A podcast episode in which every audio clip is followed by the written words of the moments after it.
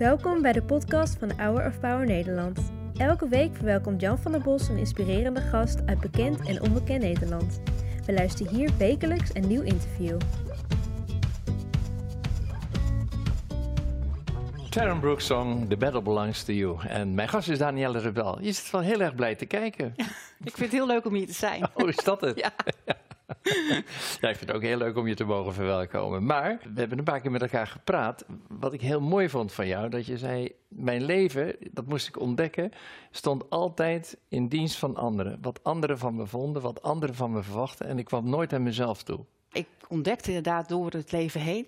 Ja, God heeft mij eigenlijk gewoon stilgezet. Hij is degene die gezegd heeft: Ho, Ja, stop. Maar hoe kwam dat dan, dat je zo leefde en afhankelijk was wat anderen van je vonden, van je dachten? Ja, weet je, ik denk, dat eens, want ik denk ja. dat heel veel mensen er last van hebben. Ja, dat denk ik ik. ook. Ja, ja, ik denk dat heel veel. Dat klopt. Weet je, ik geloof absoluut dat God heeft iets gemaakt. Hè? Op een bepaald moment dacht hij: wat gaan we erin doen? Welke eigenschappen gaan we haar geven? En dan word je dus geboren en dan ben je een onbeschreven eh, blad.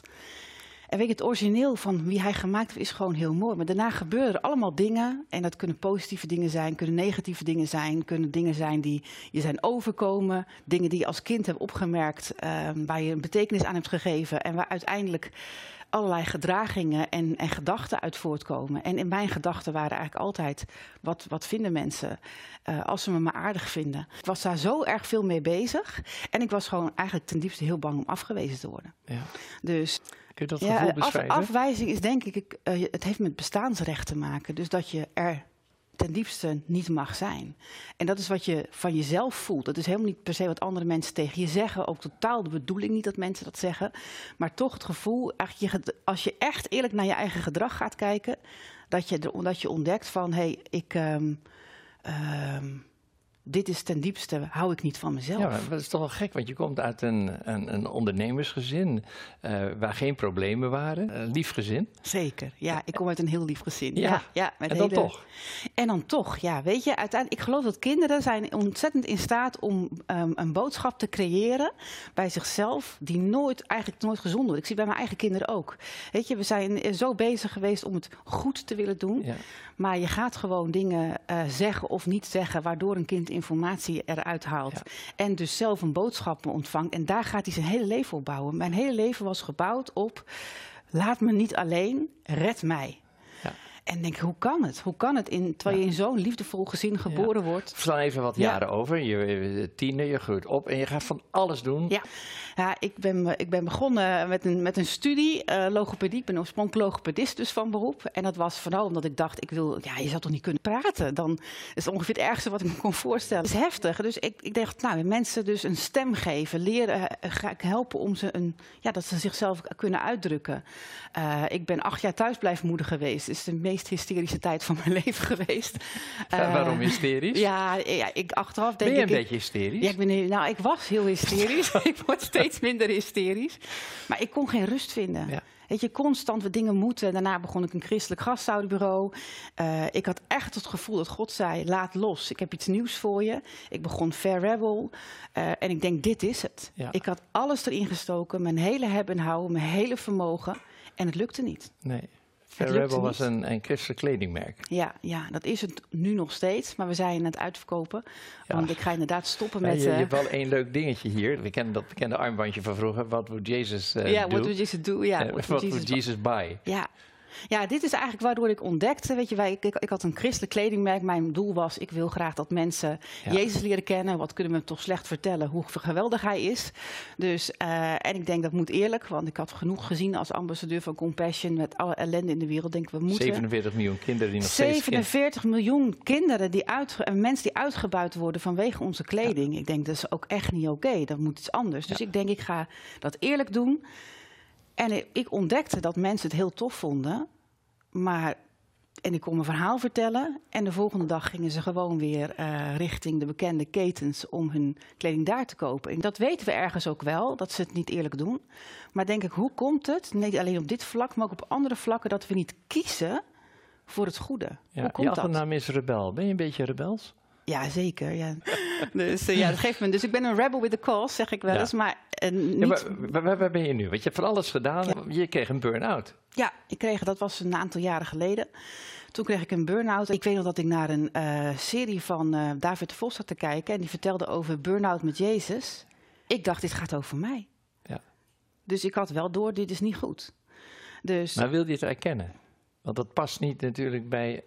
ja, ik je kon kijkt niet, een beetje... zo- ja, ik kon niet anders. Weet je, ik kon echt niet meer. Dus ik kon niet anders. Ik was doodop. Ik kon niet meer overeind komen. Dus ik denk, eh, dit is niet goed. Ja. Dus en dat, toen had ik nog het gastouderbureau. Toen heb ik iemand in het gastouderbureau aangenomen. En ik dacht, nou, na een jaar dacht ik, nu heb ik het voor elkaar. En toen viel ik weer om. Ja. En God zei, maar ik had gezegd, Danielle, dat je los moest laten. Waarom hou je vast? Vertrouw je mij niet?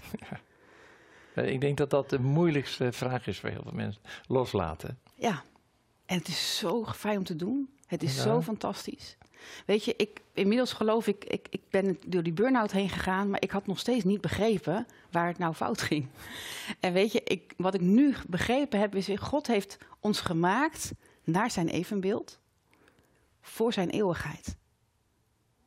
En als je dat tot je door laat dringen, Ja, dat vind ik wel een hele moeilijke zin. Eh, want je zegt heel veel.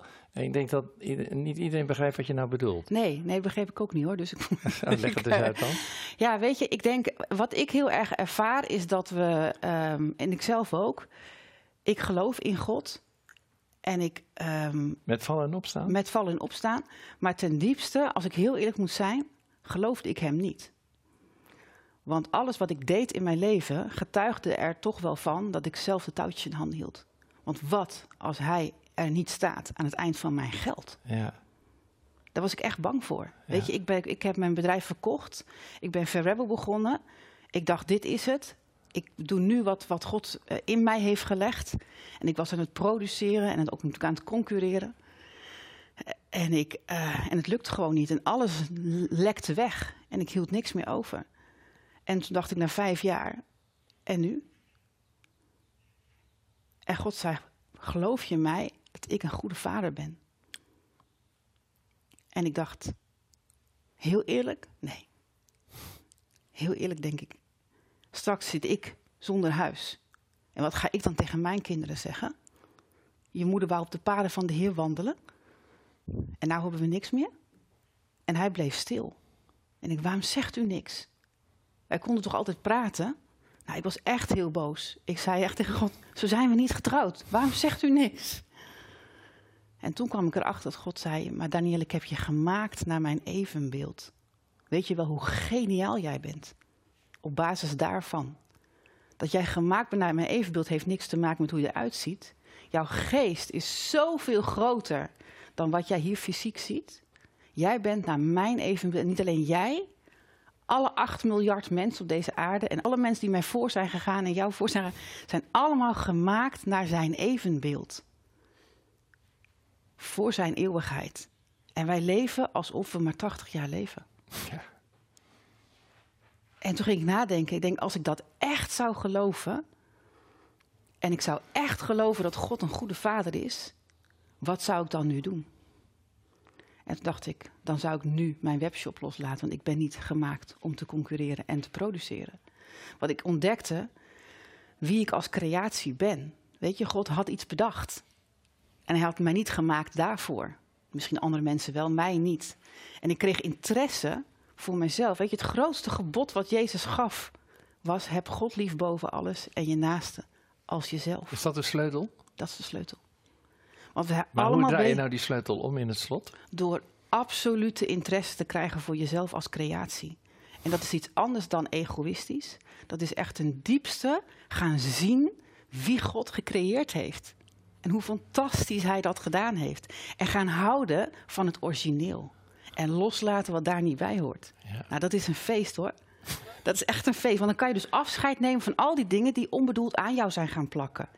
En dan blijf je zelf over. En toen dacht ik, ik ben eigenlijk best wel leuk. Ja, het geef- origineel, ja, het origineel gelijk- is leuk. En dat is niet omdat ik mijzelf Ja. zo fantastisch vind, maar omdat God wel wist wat hij maakte. ja. Jan, jij bent toch ook fantastisch? Eh, ik vind dat moeilijk om het van mezelf te zeggen. Nou, maar als we echt naar onszelf gaan kijken door, en we zetten de bril op van God Ja. En we laten los wat een, het origineel is. Zo mooi. Ja. Wat wil je aan de kijkers, want je bent een trouwe kijker van Hour of Power. Eh, wat boeit je eigenlijk in het programma? Nou, ik vind het een heerlijke combinatie van van alles. Eh, eh, hier het koor, maar wij zijn vooral thuis helemaal fan van Bobby Schuler. Mooi zo, ik ook. Absoluut. Zijn manier van preken, maar ook zijn.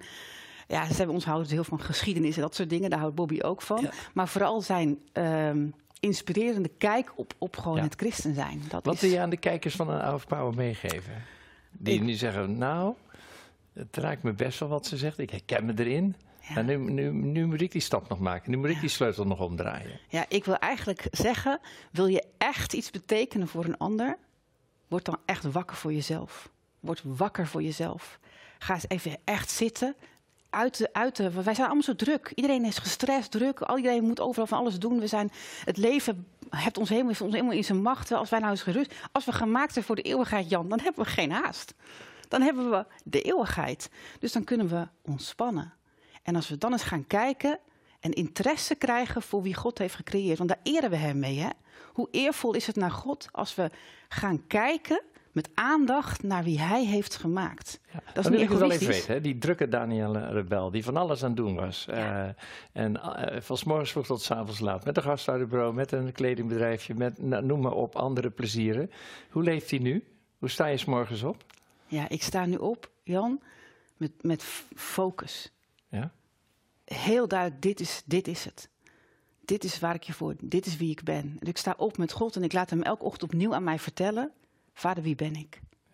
Wie ben ik? En dan zegt hij, je bent mijn kind Ja. en je bent geniaal gemaakt. Wat ga je vandaag doen? Wat echt te maken heeft met, met de eeuwigheid. Als we nou eens echt gaan nadenken. Denk ja, dan, kan je, dan ga je dus eigenlijk onderscheid maken tussen wat relevant is en wat niet relevant is. Ik en er zijn zoveel dingen niet relevant. Nou, ik denk dat je op deze zondag heel veel eh, denkstof hebt meegegeven aan eh, onze kijkers. Ook aan mij hoor, want eh, ik herken veel wat je zegt. Dus dank je wel. Ik vind het ook wel knap dat je het zo openhartig durft te vertellen. nou, weet je, het is, nou, dat is waar ik voor gemaakt ben.